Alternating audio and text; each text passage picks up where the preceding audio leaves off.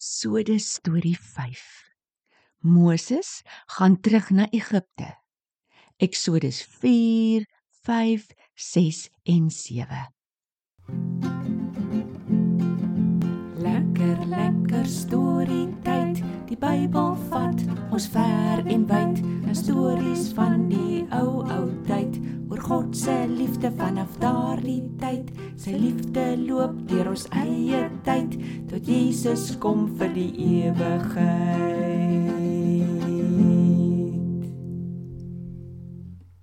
Hallo ngots. Hallo Tony Koren. Tony, ek vir Tony dat oud is iets dra.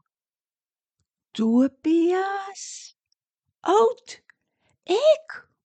O, oh, ek sien grys hare en streepies op Tony se gesig. Goed, Tony is nie oud nie.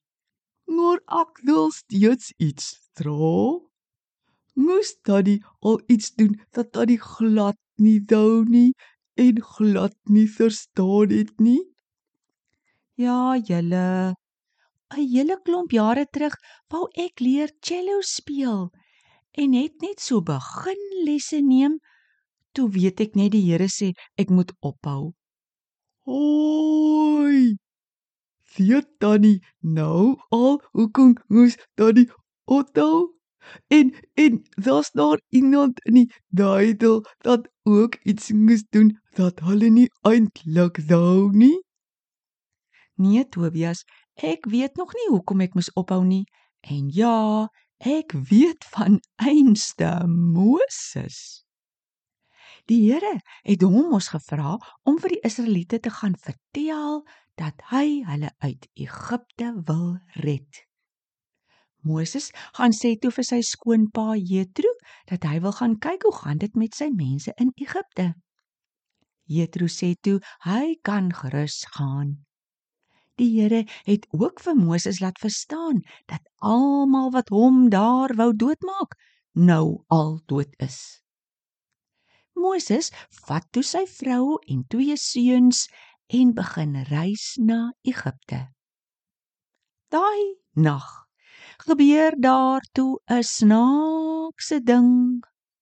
Moses het siek geword of iets want dit het gelyk of God hom wou laat doodgaan. Sy vrou Sipora het daaraan gedink dat hulle nie hulle seun besny het as baba soos die Here vir die Israeliete geleer het nie. Sy het hom toe vinnig besny. Ons verstaan nie alles so mooi nie, maar ons besef dat Moses die Israeliete se leier sou word en daarom moes hy God in alles gehoorsaam. Sjoe. Dankie tog dat se Tora dan gehoorsaamheid verstaan het. En toe Hulle reis toe verder en kry Moses se broer Aaron langs die pad. Moses vertel hom toe alles wat God vir hom vertel het. In Egipte aangekom, gaan hulle twee na die Israelitiese leiers. Aaron het toe vir hulle alles vertel wat God vir Moses vertel het. Moses het ook vir hulle die tekens gewys wat God vir hom geleer het om te doen. Die kierie wat in 'n slang verander, die hand wat eers melaats word en dan weer gesond en die Nyl se water wat in bloed verander. Wat sê die Israeliete toe? Hulle het geglo dat God vir Moses en Aaron gestuur het en het God aanbid. Wonderlik fantasties. En gaan hulle toe na die Farao? Ja, Moses en Aaron gaan vra te vir die Farao of die volk 3 dae in die woestyn kan intrek om 'n fees vir God te gaan hou. Die Here het vir Moses gewaarsku dat die Farao nie gaan doen wat hulle vra nie. Dit is toe ook net so. Die farao het geantwoord: Ek ken nie die Here nie. Wie is hy dat ek na hom moet luister? Nee, klomp Israeliete is net lui, lui. Julle moet dadelik terug gaan werk toe.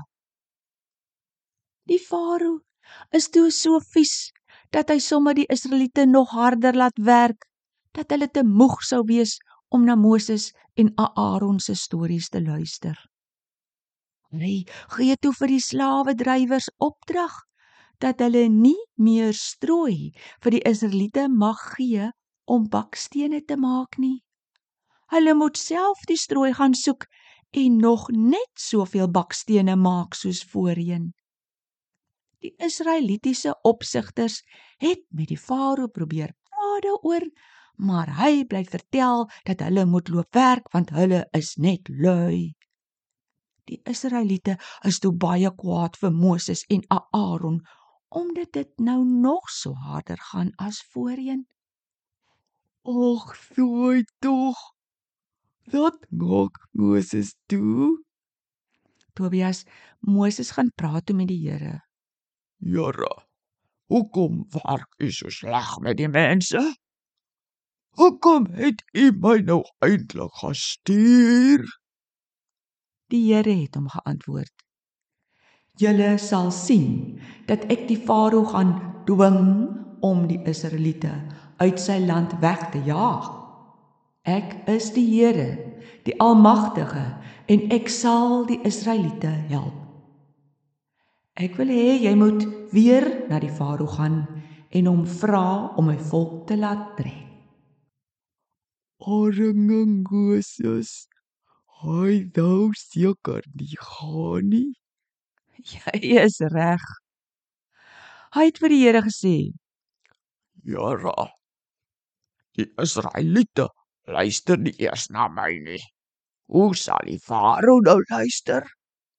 En ek weet hoe sukkel ek om te praat. Maar die Here het net gesê hy moet gaan. Al wil die farao nie luister nie. Die Here gaan wonderwerke in Egipte doen en dan sal die farao luister. Moses en Aaron luister toe na die Here en het vir die farao gaan sê hy moet die volk laat trek. Toe hulle by hom is, het Aaron ook die wonderwerk met die kierie gedoen.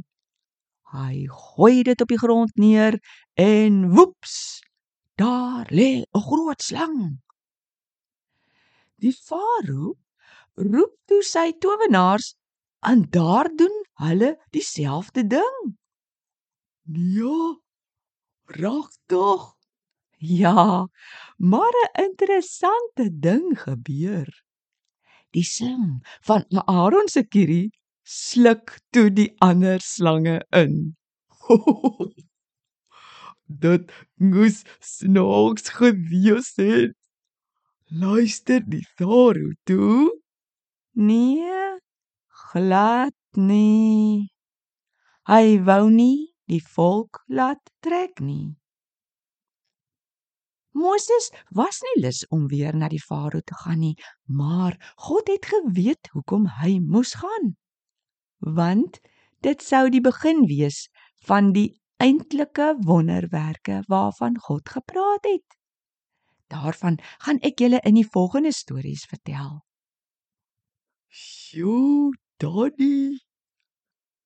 Hierdie was maar 'n vreemde, moeilike storie. Maar ons hoor dat ons kan bly glo ons God weet die beste. Net so Tobias. En in die volgende stories gaan ons dit ook sien. Maats, ons groet julle dan nou. Onthou dat God weet van die moeilike dinge wat jy moet doen en nie lekker verstaan hoekom nie. Bly net glo in hom. Dalk verstaan jy dit sommer gou. Totsiens dan, tot volgende keer.